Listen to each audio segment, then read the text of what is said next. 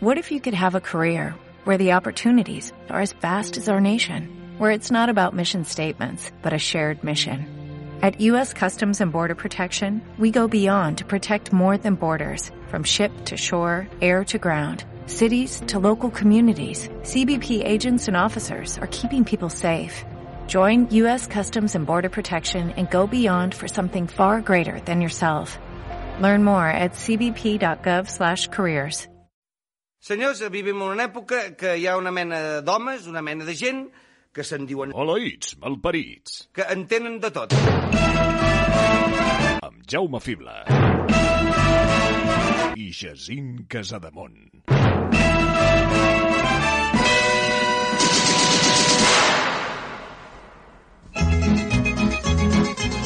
Quiero la noche, quiero, quiero la noche de amor.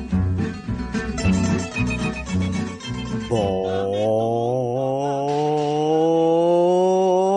Jaume! Hola, Jacint, com estem? Com et trobes?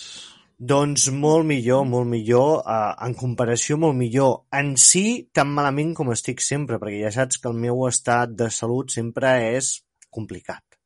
Jo no he vist mai ningú que es posi malalt tantes vegades i tan sovint i, i aquestes grips que duren tres setmanes de cavall. no sí, sé. sí, aquesta vegada va ser bastant hardcore perquè era, era un constipat normal i vaig fer vida més o menys normal i quan ja portava 4 o 5 dies a constipat dic, bueno, el que he de fer és sortir una mica de casa que em toqui l'aire i així em recuperaré, no? Allò que, com que estàs tan quiet, eh, et trobes pitjor el que estàs. I vaig decidir anar a fer una volta per aquí als voltants, amb el meu xandall i de més, va ser sortir, va començar a ploure, a fer tramuntana, la temperatura que no pujava. Vaig arribar a casa tremolant i l'endemà, grip. I, i, i, i així va ser. Vaig començar en uns quants dies de constipat normal, després vaig encadenar en grip i ara estic esperant no pillar faringitis o qualsevol merda. Amics, no sortiu de casa. Coi. Però t'has fet un anàlisi que no fos un altre cop virus d'aquell? Sí, sí, sí, em van fer PCRs, la meva doctora aquest any s'ha ficat molt al damunt meu per mirar què és el que falla al meu organisme, però simplement es veu que sóc dèbil. O sigui, considera que algú et falla. Sí, sí, sí, perquè tinc, cada dos per tres tinc algun mal diferent. O sigui, ja sigui ronyons, ja sigui que pilli un virus, qualsevol cosa. Jo sóc una persona que per anar bé no tindria que sortir de casa mai. I estar en una temperatura estable. Jacintitis, no? Podria ser que tinguis. Sí, Una que cosa nova. sona, sona quentitis, però no, no, realment el meu estat de salut és, és bastant merda. Eh, Potser tens una fibromiàlgia o alguna així? No, no, Déu me'n guard, no, no, no, això ja estaria de, detectat. No, simplement tinc les defenses baixes sempre. No sé Que tenia entès que la fibromiàlgia era com un conjunt d'enfermetats que no sabien què era o algú per l'estil, que no ho tenien molt clar el que era la fibromiàlgia. Bueno, és allò que afecta el sistema nerviós directament. Mm. Bueno, sigui com sigui, uh, he sobreviscut i tard o aviat, uh, bueno, més tard que aviat hem pogut fer el programa i, i aquí estem altra vegada, seguint... Però a un al mes arribem encara, no? Sí, sí, és tard, però arribem. Mm. I, i seguim amb la gira mundial, o sigui, no, no vam tenir temps de desfer maletes, que vam agafar el següent avió que sortia cap al següent país que ens tocava i, i allà ens hem plantat a explicar-vos una mica què ens hi hem trobat, què, què, què, ens, es- què us espera si arribeu a Eslovàquia. Sí. Però abans, abans, el que hem de fer és explicar-vos quatre cosetes. Per exemple, Jaume, tu Sí. mateix, vies a contacte.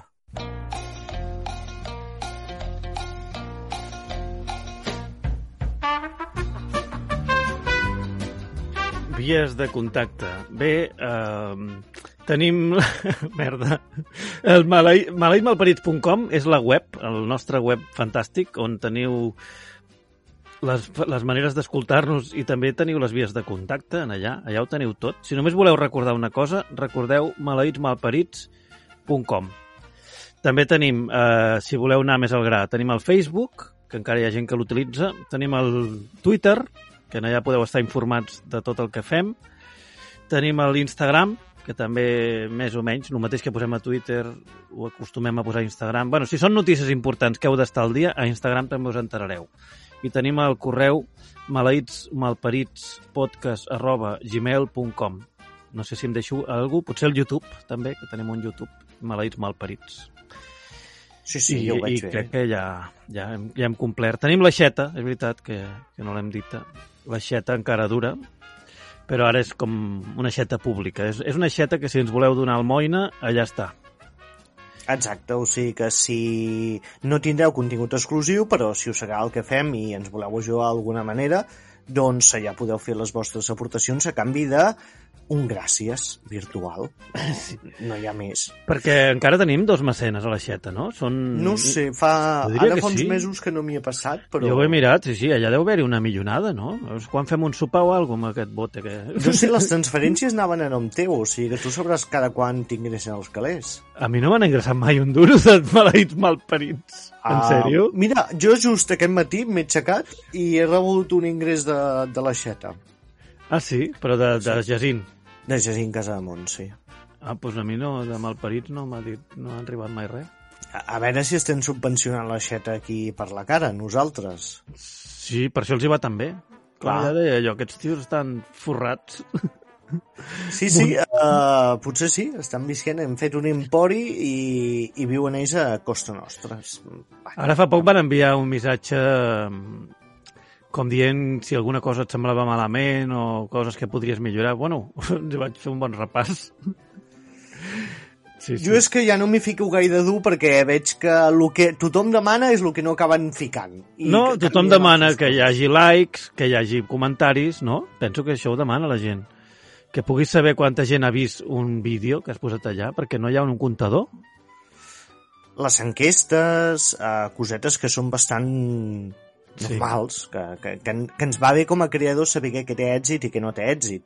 Sí, doncs perquè amb és això com no que... s'hi fiquen. Es fiquen amb altres coses, però amb això no hi ha manera. Sí, és com allà poses alguna i no saps si, si ho ha vist algú, si ho ha vist ta tia, si ho ha vist ning ningú. No, et quedes una miqueta sense saber. Però bueno, que ens serveix això com a mínim com a compte bancari obert de, de que si voleu ficar algun donatiu, pues, benvingut mm. sigui, ja sigui puntual o, o subscriure's mensualment. Sigui com sigui, uh, m'he estat mirant les dades de, de l'últim programa, va funcionar bastant bé, eh? Ah, la sí? gent li ha agradat aquest World Tour.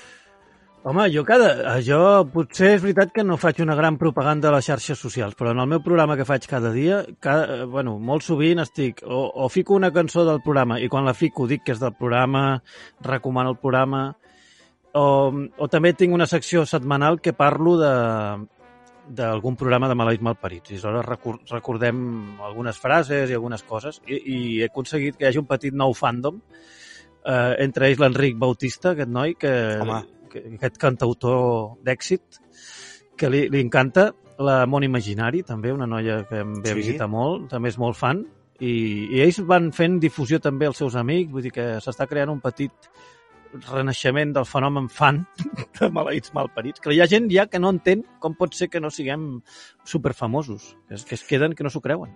Ja, ja, és, és, és una cosa ba- ba- bastant increïble, que no siguem ja estrelles, o sigui, com Sí. pot ser que Primavera Sound pagui podcast a gent que parla de cinema i a nosaltres no? En sèrio? Oh. Oh. A, qui, a qui li paguen?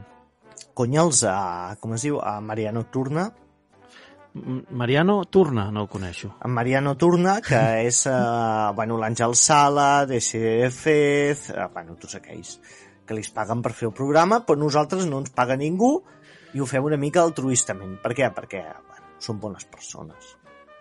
Patriotisme, patriotisme, una barreja de... no sé. Idiotisme i patriotisme, Que- que ja vindria que- a ser el mateix. Sí, sí, sí, sí, més o menys. A més, aprofito per recordar-vos, a banda d'això de que podeu trobar el podcast en diferents plataformes com iVoox i altres com Spotify i de més, també recordar-vos que queden molts pocs exemplars de Maleïts Malparits, el còmic, Ah, que si aneu també a la nostra pàgina web el podeu comprar i ens farà molta il·lusió que llegiu les, nostres, les nostres aventures en format còmic. jo encara en guardo uns quants, que ja li vaig dir en Bowman que me'ls cobri, que me'ls quedo per mi, i això pot arribar a ser com els NFTs, no? Que, que cada exemplar d'aquest còmic acabi valent milers d'euros. Pot ser, pot ser. A veure, coses més estranyes s'han vist. Un dia en Jaume acaba sent president de la Generalitat o, Sí. o d'Euro- d'Europa. Per, per què apuntar baix? D'Europa i allò es revaloritza. O jo acabo fent una pel·li porno amb Andinio i mira, potser també es revaloritza. En Dínia no sé jo si està gaire... Últimament no està molt en boga, no? No està molt en boca de gaire gent. Bueno, ell deu seguir el seu, mm, transmitint enfermetats venèries i coses d'aquestes. sí. Bueno, des de que va morir Carmen de Mairena no ha aixecat cap aquest home, perquè van Ja, fer junts clar, una pel·li. És que eren el nostre, no sé com dir-ho, Doris Day i Cary Grant, Sí. O el nostre Cary Grant i Rock Hudson. El més, el més a prop que teníem, sí. Sí, sí, sí. Ara m'estan escrivint WhatsApp, senyors. Ara no estic per respondre a WhatsApps. Perquè, amics, amigues, arriba la segona entrega d'aquest World Tour i és per això, per això que hem agafat un avió i hem anat directes a Eslovàquia.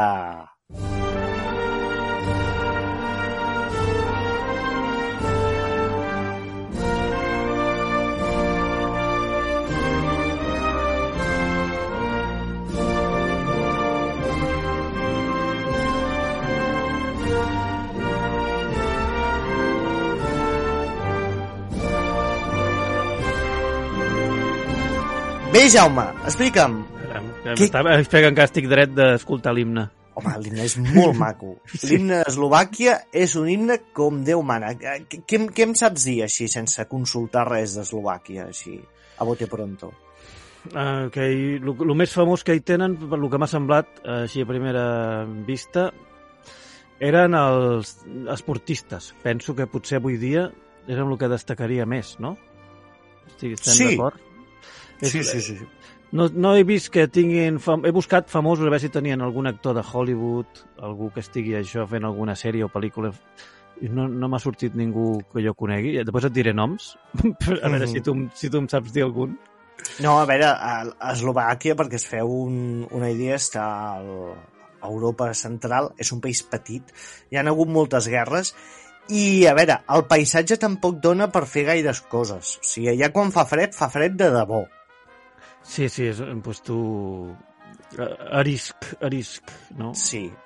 O sigui que o no sé, fas una mica de, de el tonto pels, per les muntanyes, ets una mica el Kilian Jornet allà, o poca cosa més pots fer. Mm, Tirar-li els trastos a la cosina, si és que no és a la germana, i poc més. Poc més. No, no ens Home, entenem. Espera que ens enfadaran els eslovacs. Bueno, no ens entenen. Sí, també és veritat. Bueno, Bueno, anem-hi. Eslovàquia, República Eslovaca. És un país situat a Europa Central, sense accés al mar, i una població d'uns 5 milions de persones. Els anomenem persones. Podríem dir-li d'altres maneres, però persones. Uh, el seu espai ronda els 5 quilòmetres quadrats, o sigui, és que és una espècie d'Andorra. com una Andorra, collons, tu. I també tenen avantatges fiscals o no, allà? Bueno, ja molts avantatges no té aquella gent, ja, ja t'ho dic. no gaire. bo que té és que té moltes fronteres, perquè limita amb... Tu ves fent GUE, vale? cada vegada que digui un país. Ué, Polònia, ué, Ucraïna, ué, Hongria, ué, Àustria ué, i Txèquia! ué. Va, el millor de cada casa, no? O sigui, a prop de... només... També he vist a prop de Budapest, me sembla que estava, sí. No? Sí, sí, Sí, a prop sí, de tot, Budapest. tot països macos, macos. Hongria, Hongria i la capital Budapest. Sí, Hongria fa està- sol, Hongria fa mal temps. Bu Budapest té pinta d'estar com així a ojo, eh? No sé jo, a uns 400-300 quilòmetres d'Eslovàquia. Home, Així, 300, a ojo. 400 quilòmetres, quan el país fa 5 quilòmetres, et deu semblar la, la polla de lluny. Sí. No sé. Jo, no, jo, jo fent a ojo la, mira, la distància de quilòmetres mirant un mapa, eh? No, no, Ah, no, bueno, no. clar, home, ets conegut com un topògraf professional que de seguida sap detectar aquestes coses, eh, interpretar els mapes és el teu. A veure, la seva ciutat més gran i capital és Bratislava, que sempre surt a les pel·lícules... Eh, les màfies russes i tot això de per allà sempre són de Bratislava o coses d'aquestes. Um, sí, tot el que sigui acabi en Ava, en, en Ava o comenci per Eslo o algo. Es- Eslovàquia n'hi ha més, no? Eslovènia, per exemple, que... Eslovàquia, Eslovènia... Eh, eh, ja està, no? Eslo Slobodan Milosevic era era Un... un... També, també. aquell- un aquell gran tio. país i millor persona. Sí, sí.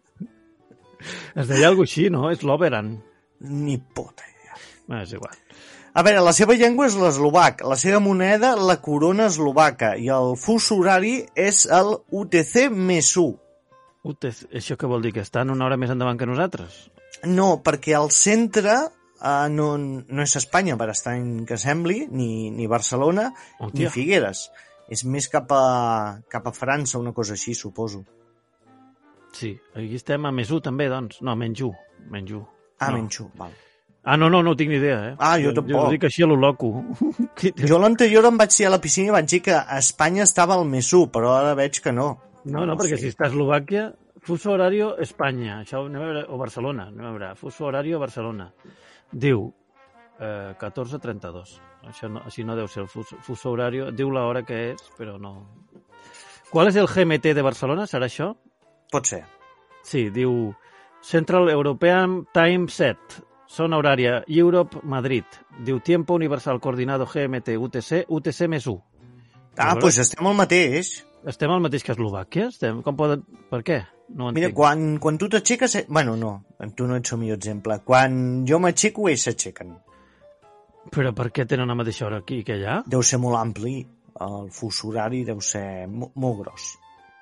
Molt I a Itàlia també tenen la mateixa hora que nosaltres? Suposo, sí, perquè és en vertical, no és en horitzontal. Ah, carai.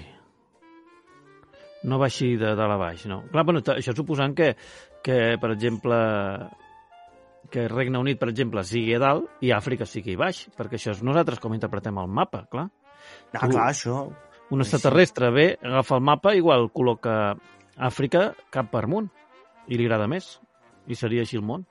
Mm, bueno, això li hem de preguntar al creador. El, Quan veiem el nostre creador, senyor. No sé qui és.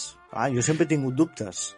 Des de que s'ha descobert que Carmen Mola no és una professora d'institut de Madrid, jo ja no sé què creure. Que- qui- Jo no sé qui és Carmen Mula. Bueno, és un merder que va haver-hi... Un dia t'explicaré per què. La Mula Francis. Uh, L'Eslovàquia es divideix en cinc regions. Aquí també pots fer un UE, vale? Ué!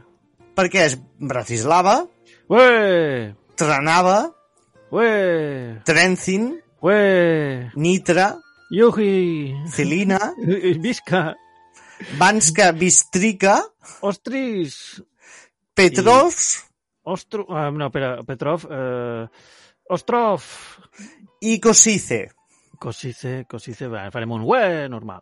A mi em semblen els noms de els set nans o, o de personatges de Tolkien. No sé, és molt raro. Sí, són, és una mica Mordor tot això, eh? No, ja veig, veig noms aquí a Eslovàquia com Rakeje Tepice, Kisuke Nove Mesto... Bueno, em sembla una mica japonès, també. Sí, Kisuke. anava a dir. Sí, Espisca Novabés. És pisca. A mi tot el que sigui pisca m'encanta. Espisca. Són puestos d'Eslovàquia, eh, que estic mirant del mapa.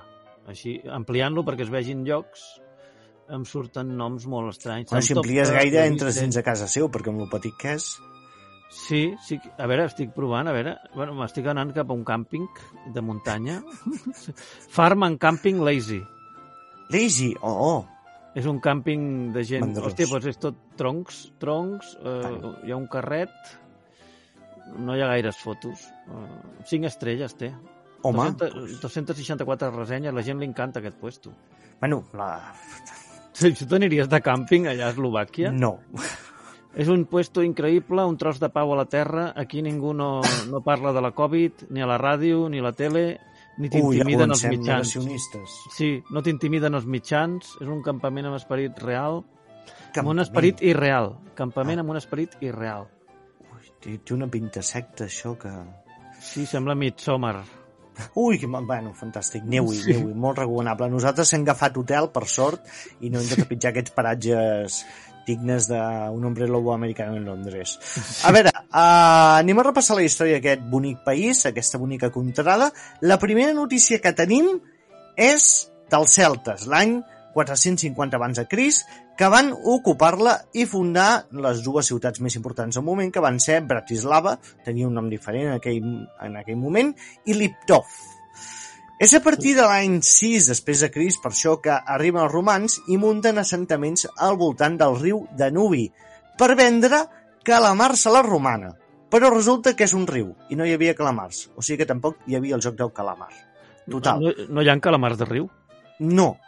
Malauradament no. Vaja. I mira que jo visc al costat d'un riu, bueno, enmig d'un riu, i m'agradaria tenir calamars de riu. Seria bonic. Sí. sí. Bueno, igual el, al creador li podem preguntar, a veure, per què no en fa alguns? Exacte. Ni que sigui a prova, jo li diré si surten bons. Si va fer crancs de riu, perquè li venia de fer Sí. uns calamars. Però fa molt de fàstic els crancs de riu, jo sempre ho he dit. Sí, fem amb bitxos. Sí, sí, sí, no, jo no em menjaria, però bueno. Entre els anys 20 i 50, després de Cris, eh, el germà, eh, els germans? Els- Ah, els- arriben els germans, no els germans germans de- que de- són germans, Sí, sinó sí. d'alemans. Jo també, quan m'he llegit el guió, he pensat, què, què vol dir els germans? Quins germans? Clar, és que és complicat, eh? Germans, Germània... I munten el regne bàrbar anomenat Vanius, que sembla Vinícius, eh? com el jugador de, del Real Madrid, però no, es deia Vanius. O sigui que per aquí ja han passat, en qüestió d'uns anys, romans, germans, celtes... O sigui, una barreja. Ja veureu que al país sempre són barreges. Però no ho entenc perquè van, què anaven a fer allà dalt, aquesta gent, en lloc de quedar-se per aquí per la platxeta, aquí baix. Ja, bueno, mira, ganes de, de, de conquistar, explorar. Hi ha gent així, eh? Hi ha gent que li agrada anar a la muntanya a fer el préssec. Jo no, però bueno, hi No, ha gent que sí. jo sóc un l'imperi romà i el que faig és conquerir totes les platges. Sí, i muntar marinador i cosetes Sí. d'aquestes, Sí. els turistes. Total, que arriben els eslaus al segle V i munten el seu propi imperi, que és governat pel rei Samo. Llavors arriba el regnat del Principat de Nitra, que forma coalició amb Moràvia i creen el gran imperi de Moràvia. O sigui que aquí ja es comencen a juntar. L'imperi de Monàvia. Moràvia. Sí. Moràvia. Però vull dir, aquí ja comença a ser interessant perquè ja no és arriba un de nou, mata els que hi ha i tal. No, aquí hi ha uh, Nitra, que ja s'ajunta amb Moràvia i creen l'imperi de Moràvia. Això està bé, unir forces. I ja és l'any 863 que la cosa s'expandeix amb el regnat del rei Esbatopluk. Esbatopluk em sembla un nom sensacional. Sí, sí. A mi també em sembla sensacional quan, mirant, tot, tot contemplant el mapa d'Eslovàquia i, i, i tirant enrere el zoom, veure com tot estem unit per carretera. Que, que, que podem anar d'aquí a Eslovàquia amb el cotxe. Sí, clar, com, bueno, tot està connectat per carretera, menys el mar. Sí, però podem anar, igual podem anar d'aquí a, a Japó en carretera, o no? Sí, clar. Bueno, fins que passes... Em sembla que hi ha un, un pont subterrani aquells, no?, per arribar a Japó. Ah, no sé. Veig que sí que arriba... Eh, que hi ha un punt del mapa de, que gairebé, gairebé toca... Toca no sé què amb Japó, que és Corea o què? Corea, sí, Corea del Nord. Clar, aquí dalt no hi, no hi deu anar gaire gent, no? No, no, no, no. no. Corea del Nord i... No, això ja no és Corea del Nord, això és Rússia. Rússia sembla que toca amb Japó aquí dalt. Hòstia. Ah, no, que m'estic equivocant de, de mapa. Perdó, perdó, no em feu cas.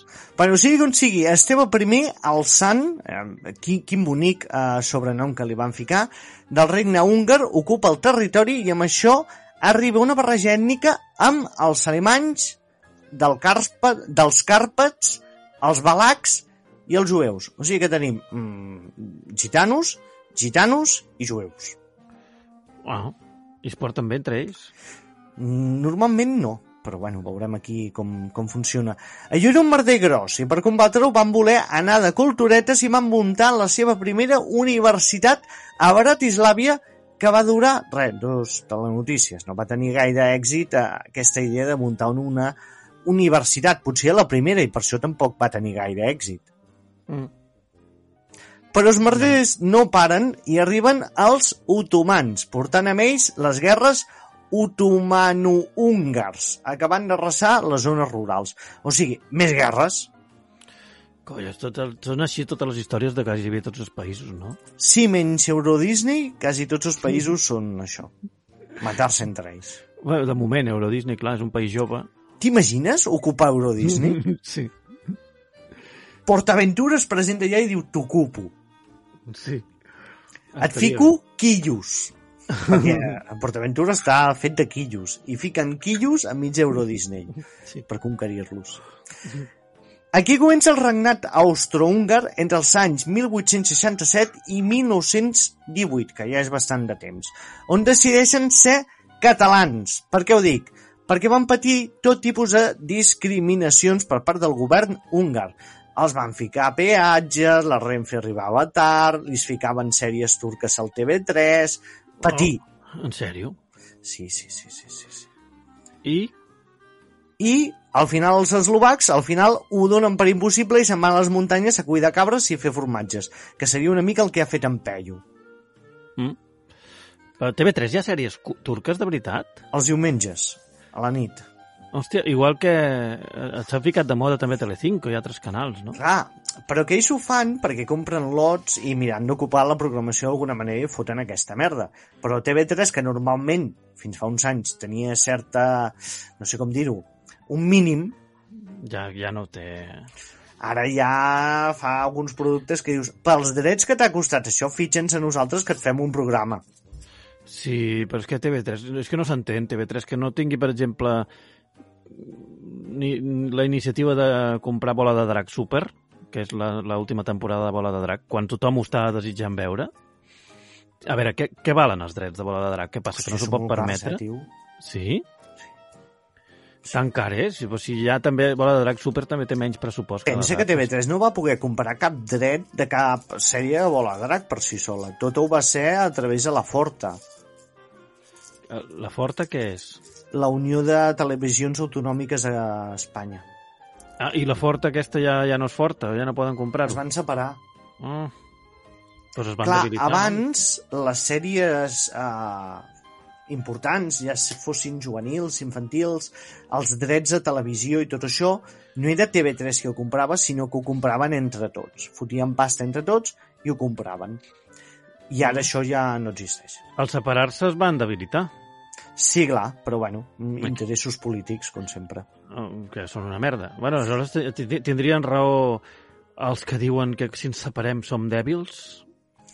Bueno, el que podries fer seria juntar-te amb Andorra i amb altres països que fossin petits i comparar drets eh, entre tots. Però Diu- tampoc em sembla que hi ha gaire interès. Igual els andorrans diuen, anda, ja, Per això, eh, ja tenim els youtubers, ja... ja bueno, que ara es queixen els youtubers que hi ha turisme a Andorra que simplement ve a veure Sí. youtubers. Ja Que he dius, parlat d'això, eh, que sí que sí que van a veure de turisme a veure la porta dels Rubius. I jo, jo de veritat que els hi tiraria cacauets. Si fos el, el Rubius un d'aquests, els hi tiraria, els hi tiraria alguna cosa, croissants. Sí, quin és el postre típic d'Andorra? Ojalà anem de viatge a Andorra properament, Mm, amb el World Tour. a lo millor jo hi vaig la setmana que ve. Ah, bueno, però En persona. amb el World Tour. No. Ho estaria bé fer el, el programa des d'allà. Home, mm, des de l'Espa, no? No sé si estaré un spa. Allà, com, com, es diu la merda aquella? Eh, Ah, no, sé, és que no ho tinc molt explorat, Andorra. Jo no. Vaig anar-hi de nit i només vaig veure un carrer amb les llums apagades. Jo sí, jo ho, ho conec, bueno, ho conec com qualsevol turista i... Aquàlia es diu? O una merda així, no sé. No, no, no, no Bueno, si vas no t'ho recomano que hi vagis, perquè a la gent li agrada. A mi no, però a la gent li agrada.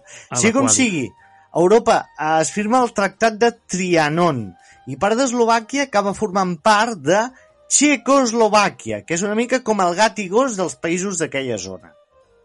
No perquè. Txèquia i Eslovàquia No són amics.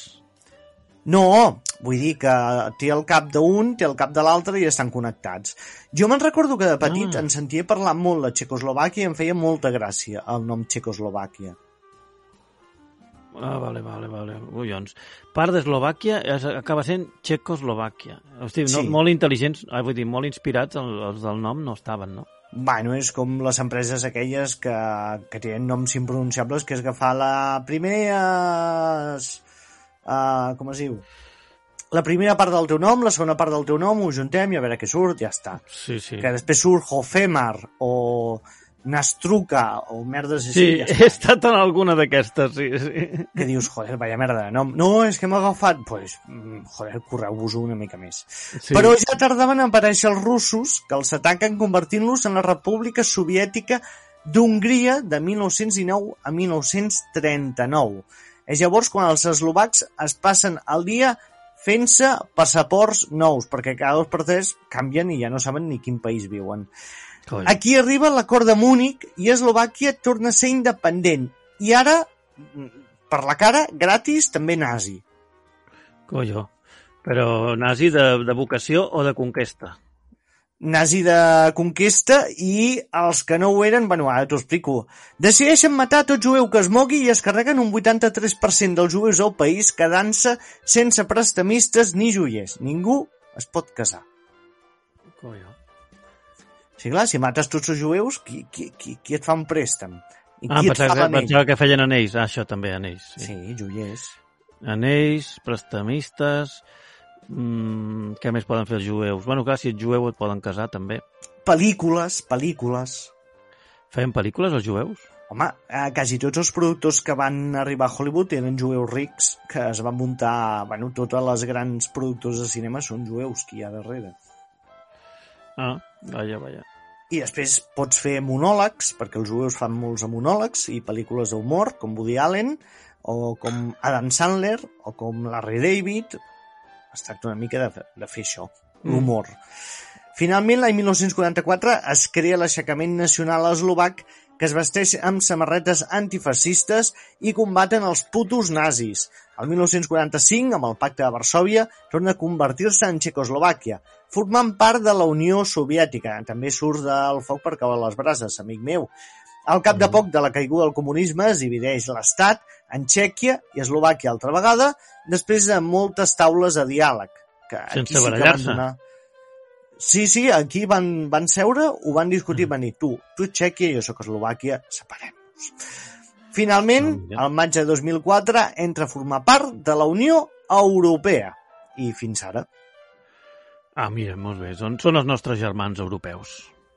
Mm, no, No? No ho veus, no ho veus així? no, no. No, te'ls sents europeus, tu? Ah, jo, bueno, a veure, és que jo no em sento gaire europeu, la veritat, però bé. No, però no és qüestió de sentir-se. Si estàs a Europa, ho ets, no? Bueno, no, hi ha països que estan a Europa i no són Europa, o no formen part de la Unió Europea.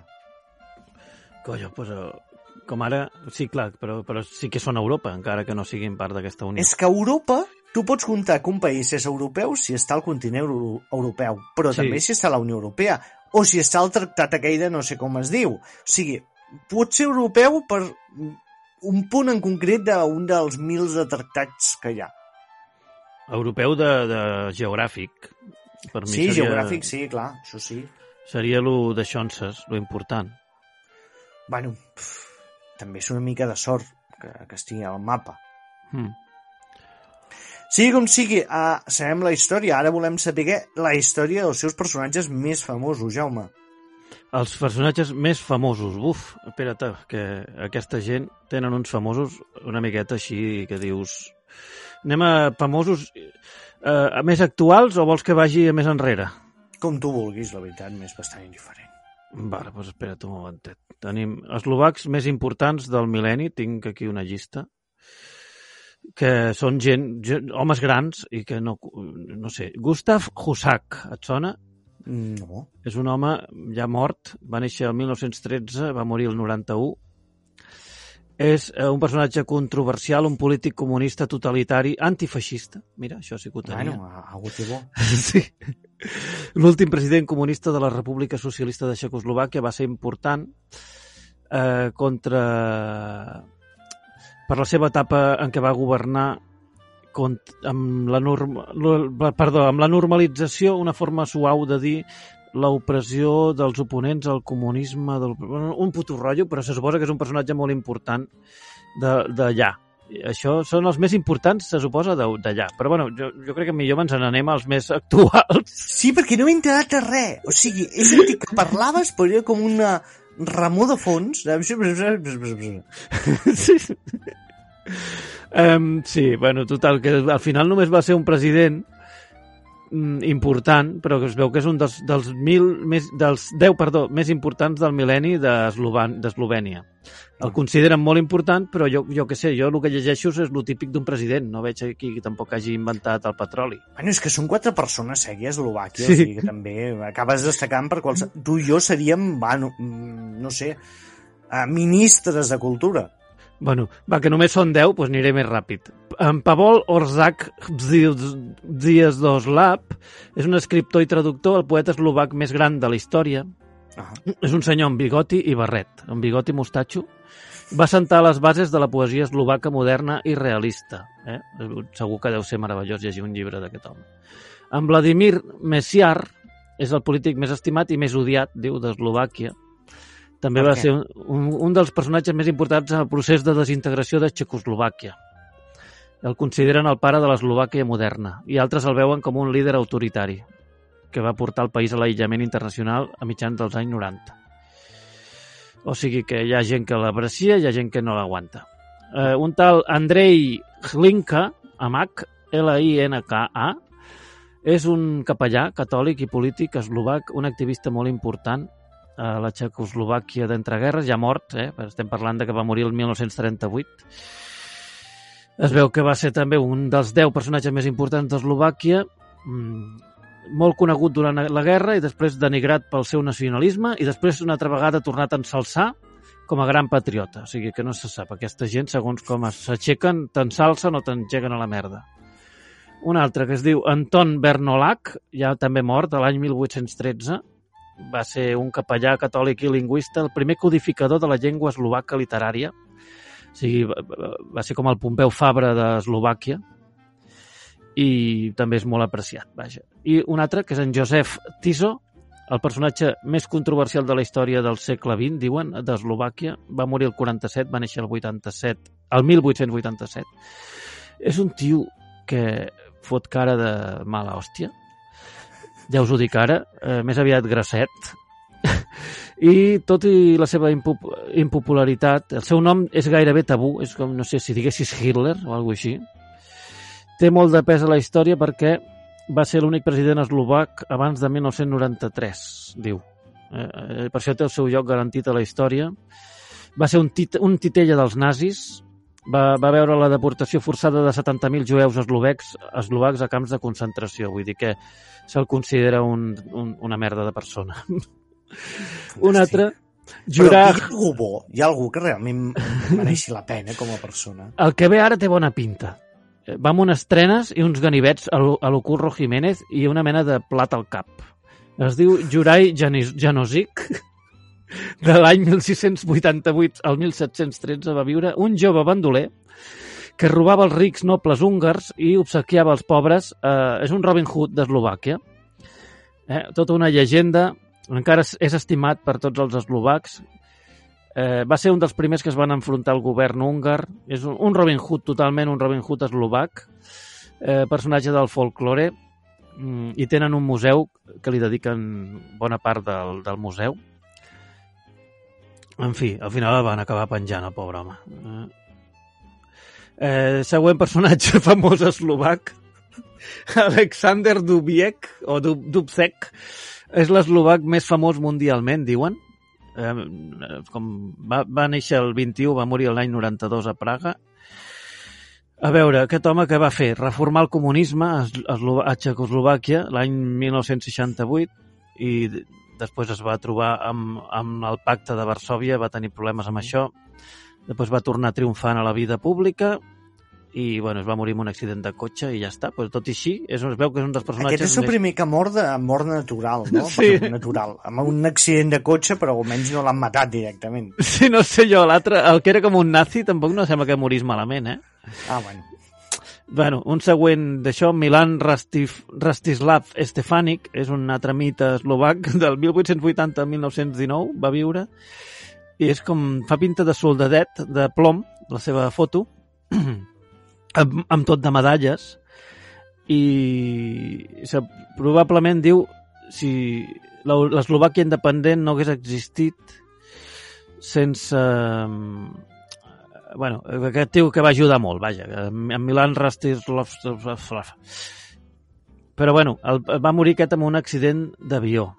Eh? Va ser un, com un militar famós. Eh? I té, un, té tot de monuments allà que, que, que el recorden, aquest home. També us L'últim he de- dit que les, uh, les mesures de seguretat del país no prometen gaire. tampoc, Eh? Allà em sembla que l'obligatorietat de portar cinturó de seguretat al cotxe encara no ha arribat. No. L'últim d'aquests eslovacs més clàssics, famosos, famosos antics, en Ludovit Stur, eh, aquest tio també és un rotllo polític, va ser escriptor polític, revolucionari i un heroi nacional d'allà. Eh, però bueno, aquest va morir d'un accident de caça. Bueno, com el germà del rei. Sí, sí, igual estaven fent caça amb els borbons, jo què sé. Total, eh, anem a alguns una miqueta més coneguts. Bueno, no sé si coneguts. Martina Hingis, eh? pot ser que ara sigui la personatge més famosa de tota Eslovàquia actualment. És una tenista, no sé si et sona, Martina Hingis, famosa, no? Higgins, sí. Higgins, però aquí posa Hingis. Bueno, jo sempre li dic Higgins. Suposo que per TV3 i Magnum. Hi poses aquesta, eh? Jugadora de tennis eh, suïssa, però que va néixer a Eslovàquia. Per tant, no em sé posava molt catxondo de jove. Eh, clar, no sé, ella no és, no sé si és eslovaca, perquè viu a Suïssa, però va néixer a Eslovàquia. O sigui, la podríem comptar com a eslovaca. Eh? I altres famosos actuals, Mirka Babrinek, tenista suïssa, que també va néixer a Eslovàquia. En David Dobrik és un personatge d'internet, una espècie d'influencer famós, que, que, que, té, que té 25 anys, és com el Rubius d'allà. Eh, I de seguidors que en té 5. no sé, igual, igual si tens 5 allà ja ho petes. Allà de... eh, Un altre que és, amb el hockey de gel estan a tope, allà també a Eslovàquia, i tenen un tio que es diu Zeno Chara, que també és un ídol d'allà del hockey de gel, en Peter Sagan, ciclista eslovac, en Marek Hamsik, futbolista eslovac, la Susana Kaputova, presidenta d'Eslovàquia. Anda, mira, tenen una presidenta i tota guapa, d'ulls blaus, rosa, mm, sembla una miqueta, jo què sé, la Emma Suárez de l'Ardilla Roja, un rotllo Emma així. Suárez de l'Ardilla Roja. Oh, quins referents trasnutxats. Sí, Però és que, bueno, perquè m'ha recordat, recordat una mica amb ella. Bueno, Do- Dominika Cibulkova, una altra tenista, Magdalena Ribarikova, una altra tenista, Stan Mikiva, un hockey player, però bueno, aquest ja està mort, aquest ja és, de, aquest ja és dels, ja podem comptar-lo com els antics. Eh? Vladimir Weiss... Ah, mira, he trobat per fi un personatge realment famós eslovac, i és actor. També mort, però almenys és un famós que tots coneixerem. Eh, va morir amb 59 anys eh, quan, a l'any 64. És Peter Lorre, actor austríac, Hombre, però va néixer també a Eslovàquia. Ai, a Eslovàquia. Estem parlant de Txecoslovàquia, no? Sí. Txeco, Sí. Se, se m'ha anat la... Eslovàquia, Eslovàquia. bueno, és el mateix. Sí, sí, sí. Vale, vale. Que se m'ha anat ara la olla, estic, se m'estava anant la olla per moments. Ja està, ja està. Ja, ja estic aquí amb vosaltres. Peter Lorre, eh, el coneixerem de pel·lícules com Emma, el vampiro de Düsseldorf. Eh? Aquest sona? Sí, i tant. Peter Lorre, hombre, A gran més, va fer pel·lícula. pel·lícuules amb Roger Corman, al cinema negre de l'RKO també va treure el cap, Casablanca, Casablanca... Pf, és que ha fet infinitat de coses aquest el senyor. Falcó Maltès, l'home que sabia massa. Per això, que és un tio, sí, Sí. és molt conegut. Eh, Però bueno, també és això, va néixer allà, però no sé si era nacionalitat Bueno, és que tothom qui neix allà intenta marxar ràpid. És el que sembla, que la gent neix allà però ràpidament busquen a veure com fugir. Mira, una altra persona famosa que és txecoslovaca, que, que això és un director de cinema canadense, que però també va néixer a Txecoslovàquia. És l'Ivan Reitman. Eh? Què dius? Sí, va néixer a Txecoslovàquia. Ivan Reitman. Però també, ja et dic, que també va fugir d'allà. I, I se'n va anar a fer cine a Canadà. O, o a Amèrica, també a Hollywood. De, de, dels pets a la merda. Home, Ivan Reitman és el director de Caçafantasmes 3, no? No, és el seu fill. Productor, productor. Ell és el productor. Però va dirigir la primera de Caçafantasmes o, o no? Sí, Sí, no? Sí. és la primera prim- la segona, també el, el dia de la marmota, si no recordo malament. No, el dia de la marmota era de Frank, del director de... del director aquest de, del Frank Oz, no pots... No, espera't, del... No, com es diu? El que feia el paper de, del caçafantasmes amb ulleres. Howard... Ai, sí. Harold... Harold... Harold... Hin- Har- Ramis. Ramis, Harold Ramis, això mateix. Sí, aquell era el director. Eh, L'Ivan Reitman s'hi va dirigir... Los gemelos golpean dos veces, el Això. pelotón chiflado, Dave... Aquestes.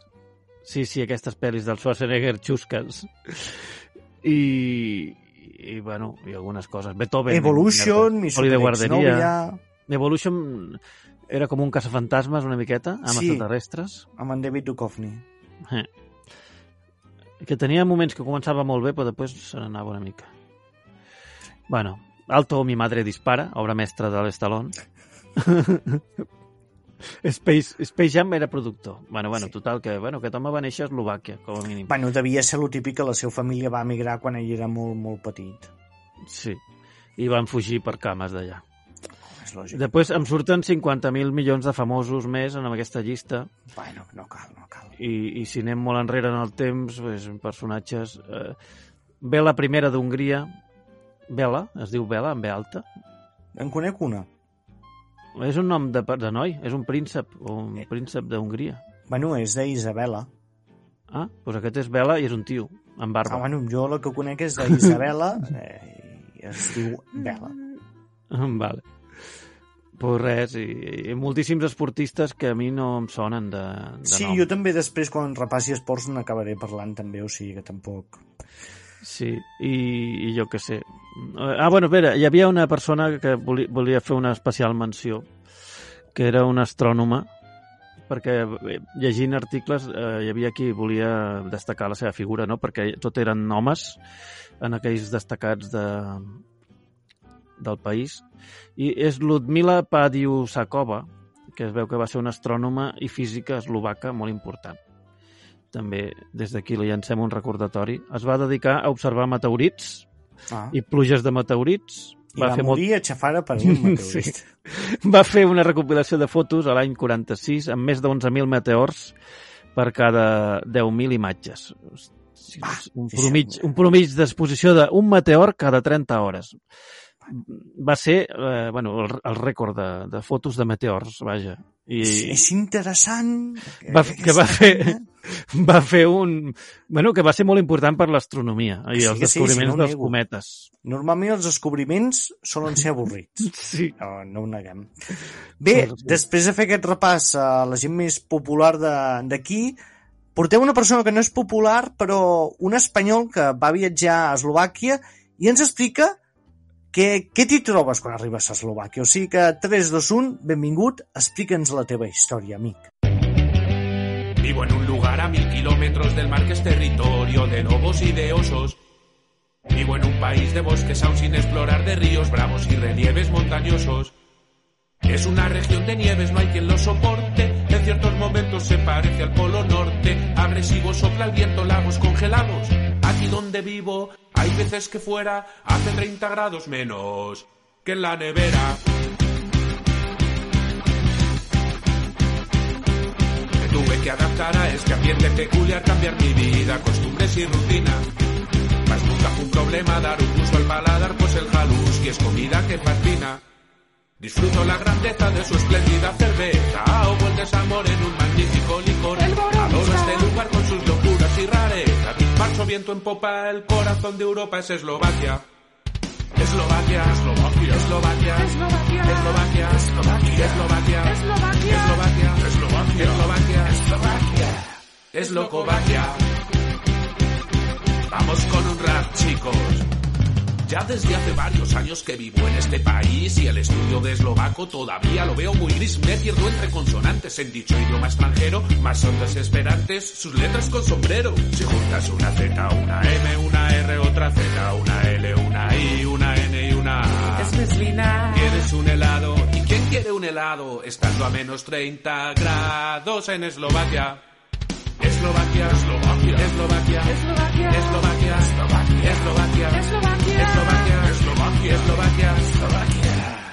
loco, la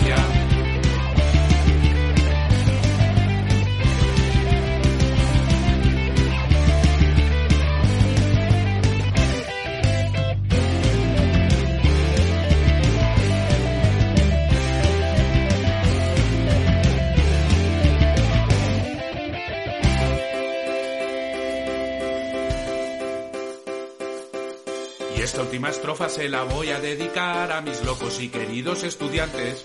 Cada día en la escuela son factor determinante, importantes en mi vida y bienestar. Y aunque a primera hora sus retrasos son constantes, y en clase siempre dicen esa frase suplicante. Va, profesor Julinki, hoy podemos salir antes. Marcho viento en popa, el corazón de Europa es Eslovaquia. Eslovaquia, Eslovaquia, Eslovaquia, Eslovaquia, Eslovaquia, Eslovaquia, Eslovaquia, Eslovaquia, Eslovaquia, Eslovaquia, Eslovaquia, Eslovaquia.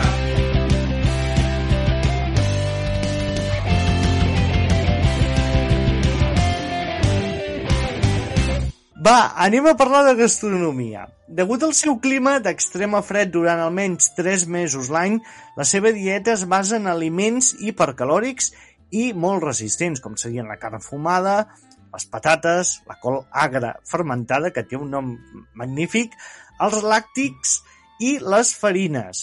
Les amanies en ciam i col no falten mai, posant-hi fins i tot verdures i formatge. Hi ha una amanida on m'hi fots col i després m'hi fots verdures i formatge, mm, És com menjar de la iaia de, la iaia de poble. els pets ja deuen fer una pudor. O sigui, l'ozó està cascat per la puta Eslovàquia. M'hi va la mà. Ojo que després té un plat que també, sopa de col agra, que s'anomena kaputsnika, que està feta també amb carn fumada, prunes seques, xorís, farina i crema agra. He vist imatges, té pinta de tot menys de sopa, jo. O sigui, allò ho deixes assecar i et fas una casa. Bueno, Et fas però- els ciments d'una casa. Jo he llegit que això és eh, més aviat als pobles o extraradi, però que si vas a les capitals, a ciutats, ja hi ha restaurants més refinats, no? Sí, clar, bueno, com tot, però estem parlant de la cuina típica. Sí. Bueno, bueno.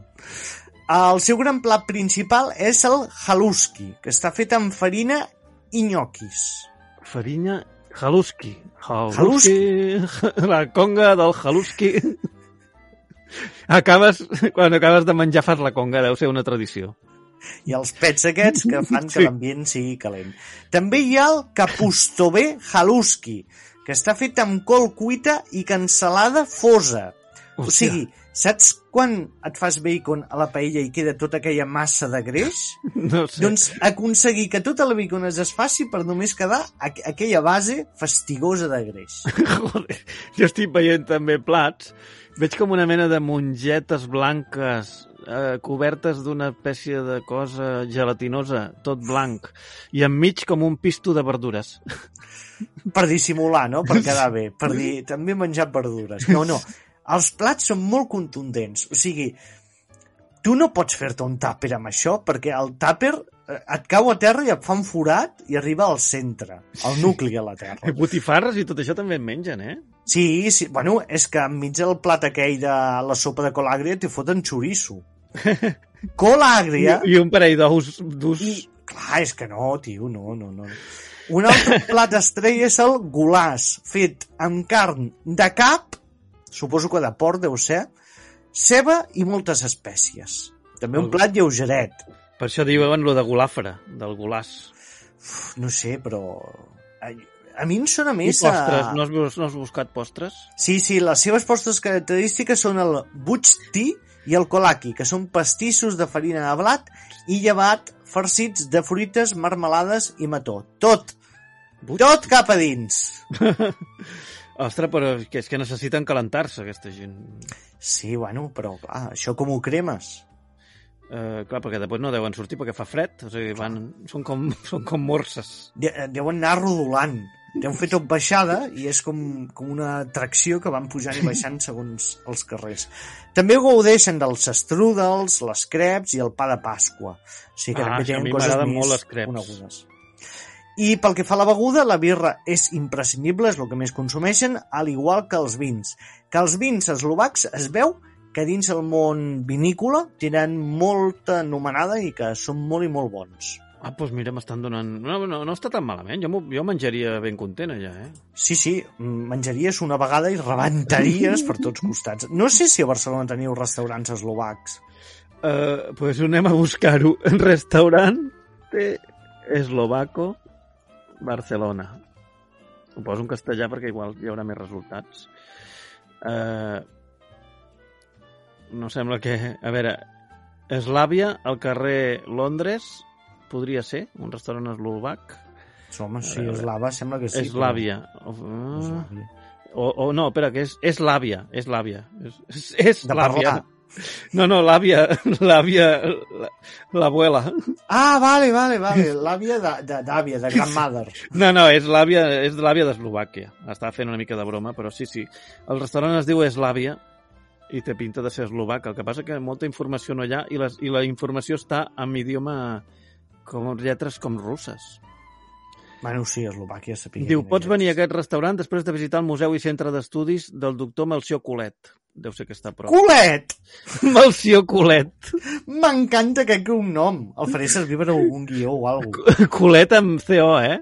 Colet, Colet, però clar, es pronuncia Ah, Colet. vale. Espera, que tenen una web... Ah, no funciona. S'haurà mort el de la web, també. en fi. A Bueno, veure ja sabeu. Ja no sé, ha d'haver-hi algun altre. Un altre que es diu Nemrut, però aquest té males, té males notes. Només li donen dues estrelles i mitja. Sí, veig que fan calamars a la romana amb rebossat barato. No crec que sigui gaire bo. Mm. O sigui que el, el bo és l'altre, és l'àvia. El que passa que ja us dic que el, el lloc web no va, igual vés a saber si està obert encara. El TripAdvisor diu que sí. Eh, els preus ronden entre els 20 i els 40 graus. Graus? No, euros. Ah, No, espera, espera. Que ara se m'he confós. De... Eslàvia. Apreto Eslàvia. Ara, sí. El, el tanquen a les 12 de la nit. Està al carrer Londres 73 de Barcelona. I no hi ha massa informació. No, no, no diu massa informació. Eh, Heu d'anar-hi a, a, a lo loco, si voleu arriscar-vos a veure si trobeu un, un lloc probablement eslovac, pues podeu intentar-ho. I per, per lo que veig fan amanides de tota la vida. Eh, després hi ha una altra foto que és una planta que deuen tenir allà com, com si fos un, un, allò que li diuen un helecho, sí. però això no, es- no es menja. Algú, Bueno. Un client ha fet una foto de la planta que tenen, una barra de bar normal, és un pap normal, unes truites de patata. Eh, Jo crec que això ho han comprat uns xinos, eh? Si era eslovac, ja ho han comprat uns xinos. I estan fent lo de sempre.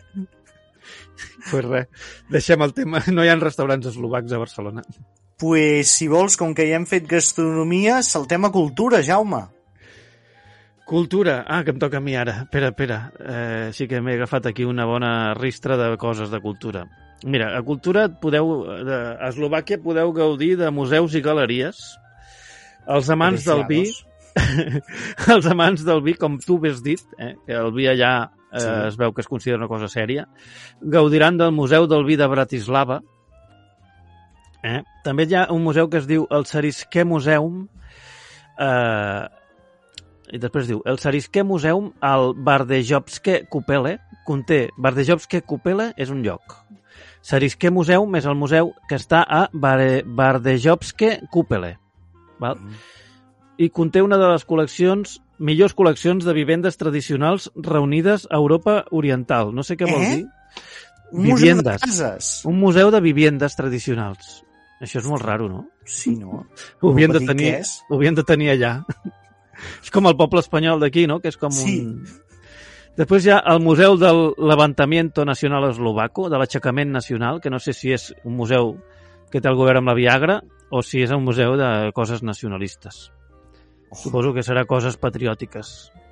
Després hi ha el Banska Bistrica, és un museu polític construït pels comunistes, que ja veus tu, ja m'estan donant salivera d'anar-hi.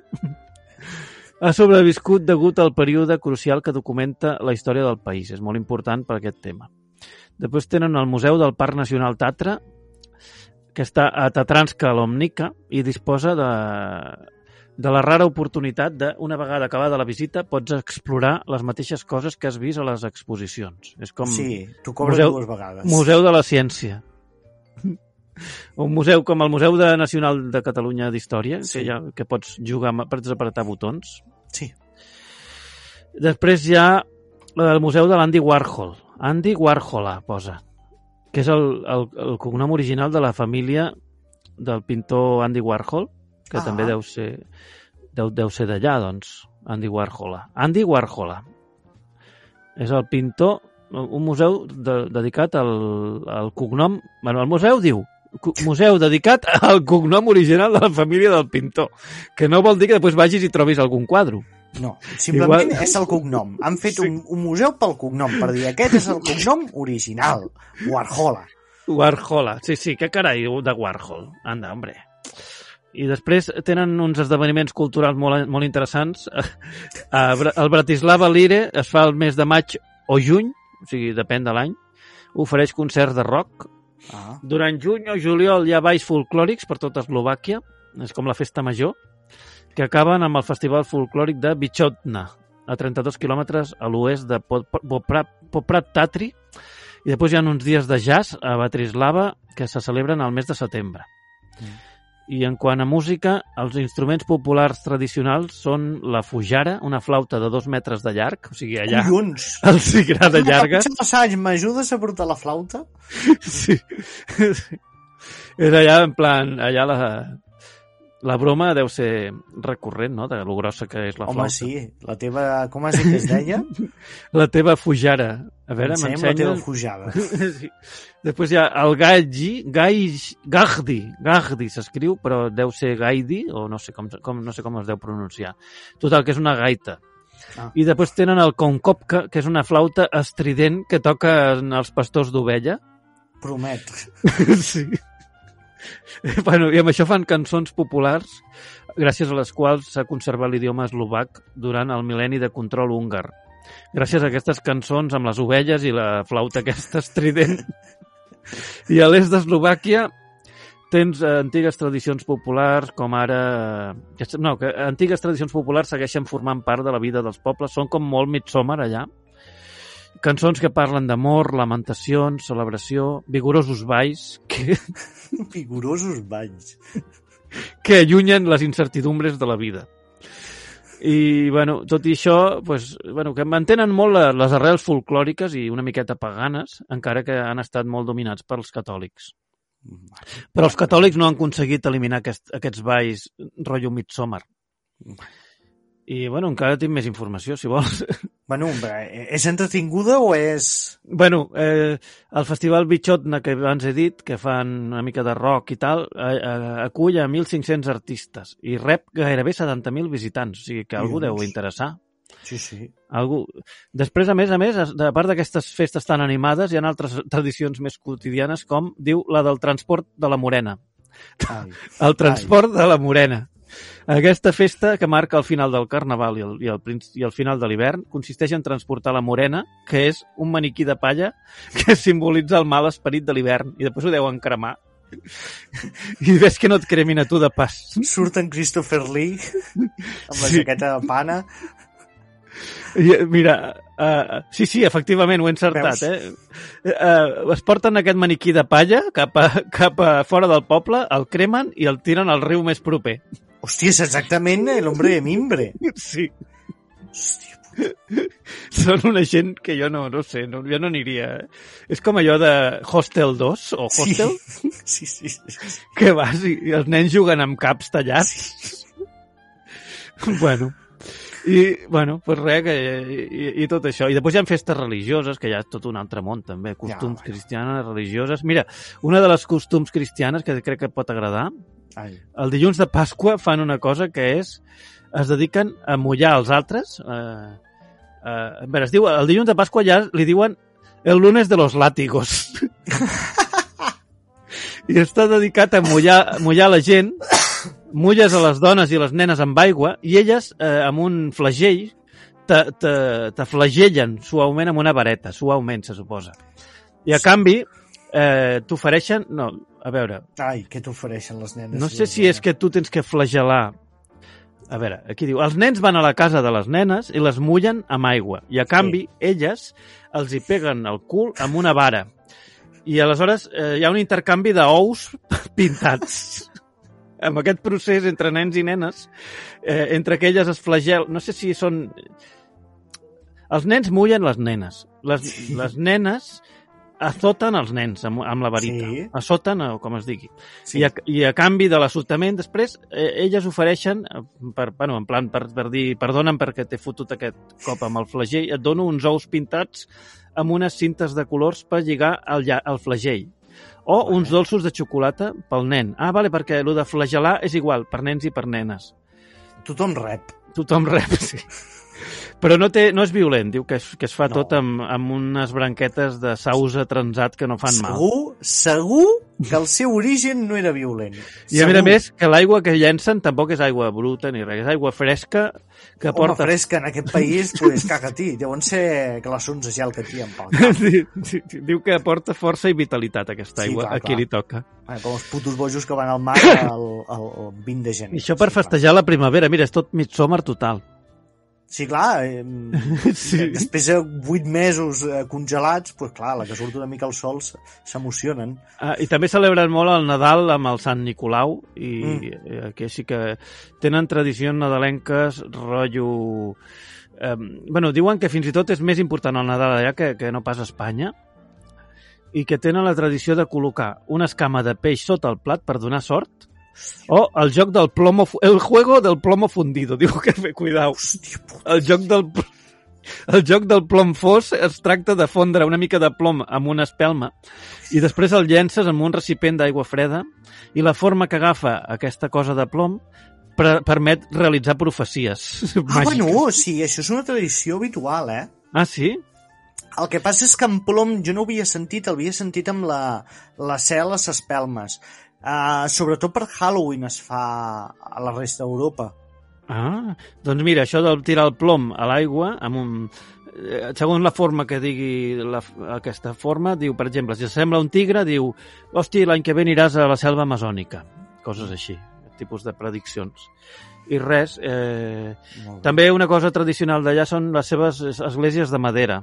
La, la De madera fusta. vol de fusta, de fusta. és que tinc els apunts en castellà.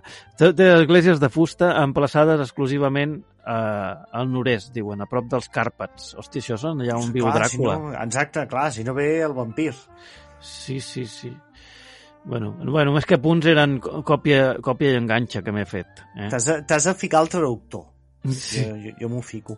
Uh, saltem als esports. Els esports, degut al seu clima extrem, els podem dividir en dues categories, els estiu i els d'hivern.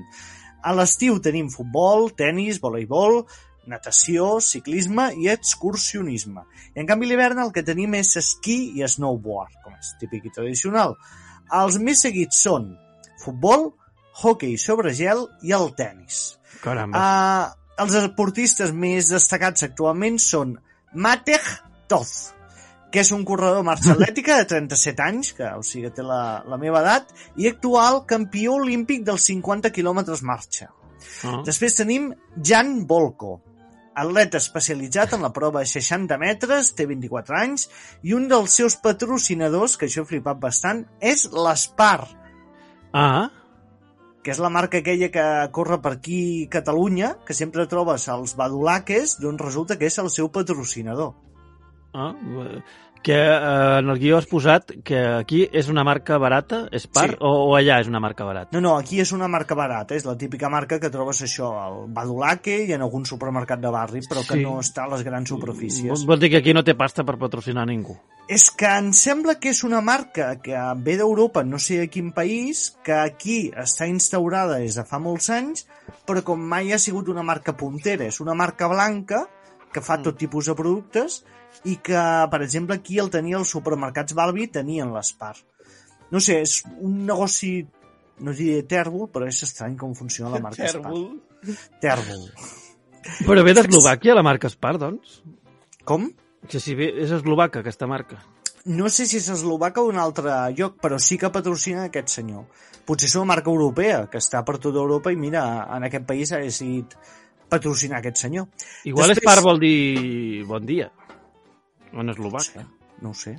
Sí. Eric Cernak és defensa d'hoquei sobre gel de l'equip Tampa Bay, que competeix a la NHL, que és la lliga, ja sabeu, americana i canadenca de hoquei sobre gel.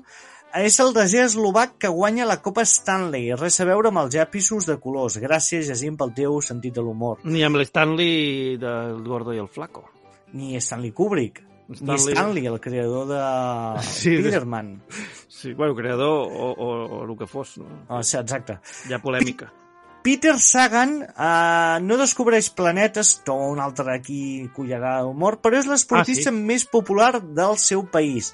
Ciclista campió mundial tres vegades, mallot verd al Tour de França set vegades i millor esportista eslovac als anys 2013, 15 i 17. O sigui que és un màquina aquest senyor. I per últim, Petra Vlova, la millor esquiadora actual del món, ha guanyat dues medalles de plata i una de bronze. Colló. Ja veieu. Aquí fan molts esports, m'agradaria saber quanta gent, no crec que tinguin gaire lligues pròpies, però bueno, que, que fan les seves cosetes. I fins aquí el meu repàs, i em sembla que també el teu de Bueno, d'Eslovàquia. m'he deixat els músics, que també tenia un apartat de músics famosos. Ah, doncs de mira, tira. Digues 3-4 músics. Mira, artistes d'Eslovàquia, músics. Polèmic. Qui, potser el grup més conegut d'esca d'Eslovàquia i toquen des de l'any 89. Jorkie... A veure, a veure. Jorkize Slize. Aquests són... Vol dir que va o fideus. Ah. que va o fideus.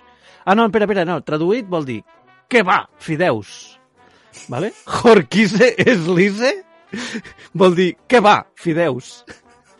És un nom, mira, és com un bon nom per un grup, no? Hi havia un grup català que es deia Jous Paella, o sigui que... Dijous Paella és un bon nom. Avui toca... Di... No van tenir èxit perquè la gent no sabia si anava a tocar un grup o anaven a fer una, una espècie de paella popular, no? Bueno, no he explicat mai la- l'anècdota a la meva mare? No, no sé, a veure... Vinga, va, explico l'anècdota mítica a la meva mare. El meu pare i la meva mare aparquen el cotxe al garatge que tenen, surten i veuen que al barri on tenen aparcat el cotxe hi ha un cartell que diu que aquella nit peix fregit. I la, la meva mare li diu al meu pare, hòstia, doncs aquesta nit venim, que deuen fer Vaneres." això un sopar popular. Total, que sí, que arriben aquella nit allà i es troben que toca un grup de, de veneres, acaba Sí. el grup de veneres i no reparteixen peix fregit. I la meva mare, indignada, va allà i diu, escolta, per què fiqueu al cartell que hi haurà peix fregit? I diu, perquè el grup de veneres es diu peix fregit. Sí.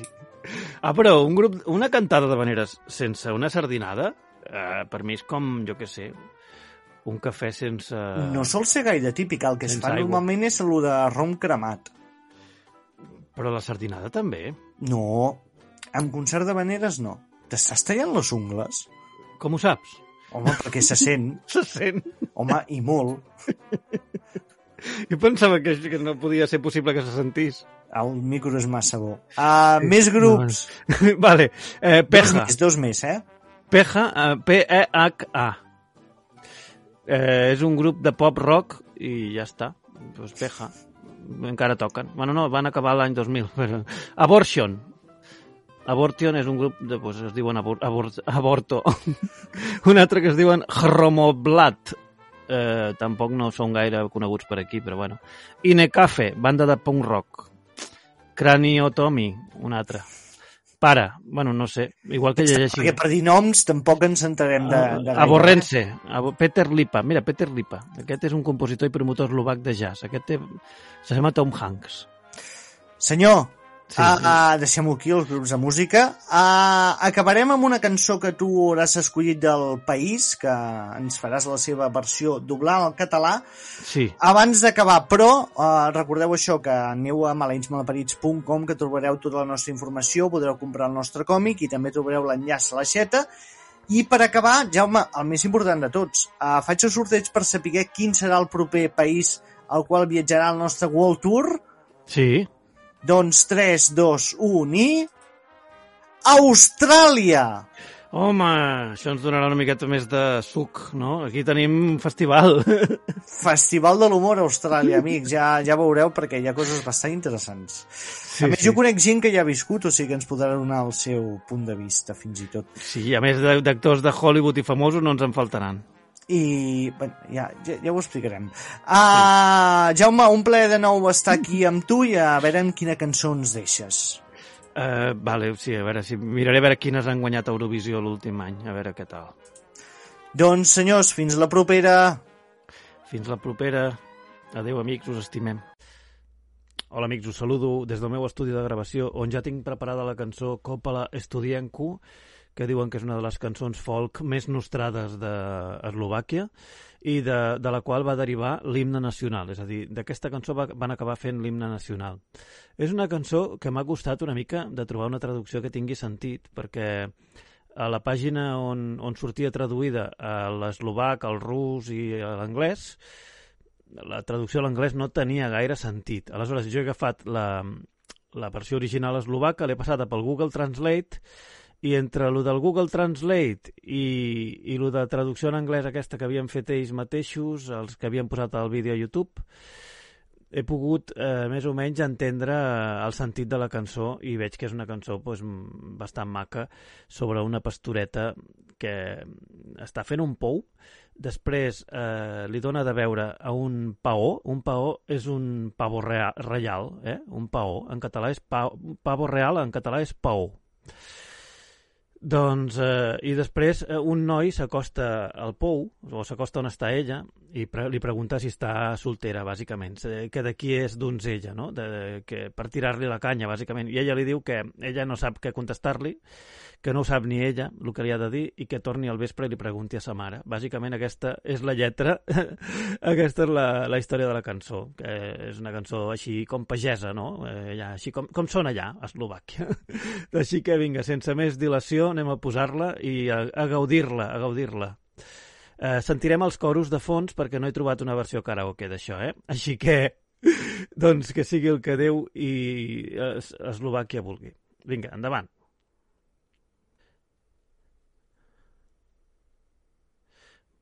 Bé, al principi la cançó diu una veu d'home Copa l'estudienco, que sembla que estigui dient un koala estudiantil o un koala estudiant o alguna així. O, o vinga, una copa per l'estudiant. No, tampoc. Doncs el que sembla és que copa l'estudianco vol dir jo cavava un pou, eh? Aquesta és la deducció que he fet jo després de, molts, de moltes voltes. Vinga, doncs, endavant. Jo cavava un pou. Jo cavava un pou i mirava dintre. Jo cavava un pou i mirava dintre. Si fos tan profund com ample, tan profund com ample, jo hi saltaria. Oh, sí que hi saltaria. I d'aquell pou deixo veure a un paó. I d'aquell pou deixo veure un paó. I un xicot pregunta, i un xicot pregunta de qui sóc donzella. Ei, de qui sóc donzella. Ara hi ve una part de Ballaruca. Aquí suposo que els eslovacs és on ho donen tot. fan, fan les danses tribals per agradar-se uns als altres. Ja m'imagino les flors al cap, els vestits tradicionals, en fi. No ho preguntis, xicotet, perquè ni jo ho sé. No ho preguntis, xicotet, perquè ni jo ho sé. Torna a passar perquè al vespre torna a passar al vespre i pregunta a ma mare. A ma mare pregunta. Ja està. I això ha estat Copa l'Estudianco. Vinga, ja sabeu, ja sabeu que cantar quan aneu a Eslovàquia. Gràcies, amics. Fins la setmana que ve. Ciao. Ai.